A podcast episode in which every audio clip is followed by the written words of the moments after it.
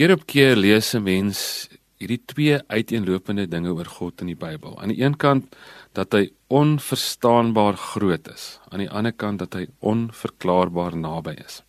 Dink maar aan die een kant aan die woorde van Jesaja 55 vers 8. Hy sê my gedagtes is nie julle gedagtes nie en julle optrede nie soos myne nie, sê die Here. Soos die hemel hoër is as die aarde, so is my optrede verhewe bo julle optrede en my gedagtes bo julle gedagtes. God is groter en verder, strek verder as wat ons ooit kan dink. As ons hom nie verstaan nie, beteken dit nie daar's fout met God nie. Ons koppe is maar net dikwels 'n bietjie klein. Maar die goeie nuus van die evangelie sê ook iets anders van God. Dit sê God is nie net groot nie, hy is ook naby. In Jesus kom God weerloos naby aan ons. In Filippense 2 sê Paulus, hy sê hy wat in die gestalte van God was, het sy bestaan op God gelyke wyse nie beskou as iets waaraan hy moes vaskleef nie, maar hy het homself verneder deur die gestalte van 'n slaaf aan te neem en aan mense gelyk te word.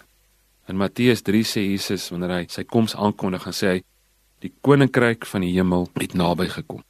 Die onverstaanbare grootheid van God en die onverklaarbare nabyheid van God is eintlik iets wat van 'n paradoks.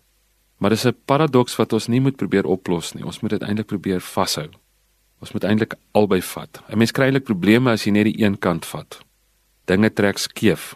Mag ek en jy onsself dikwels verloor in die misterie van God se grootheid. Maar mag ons ook vir God beleef in die nabyheid. Mag ons beleef dat hy nie ver is nie. Mag ons beleef dat al kan ons nie alles van hom verstaan nie, dat ons daarom iets van hom kan verstaan. Dat ons iets van hom kan beleef. Want God is nie net groot nie. God is ook naby.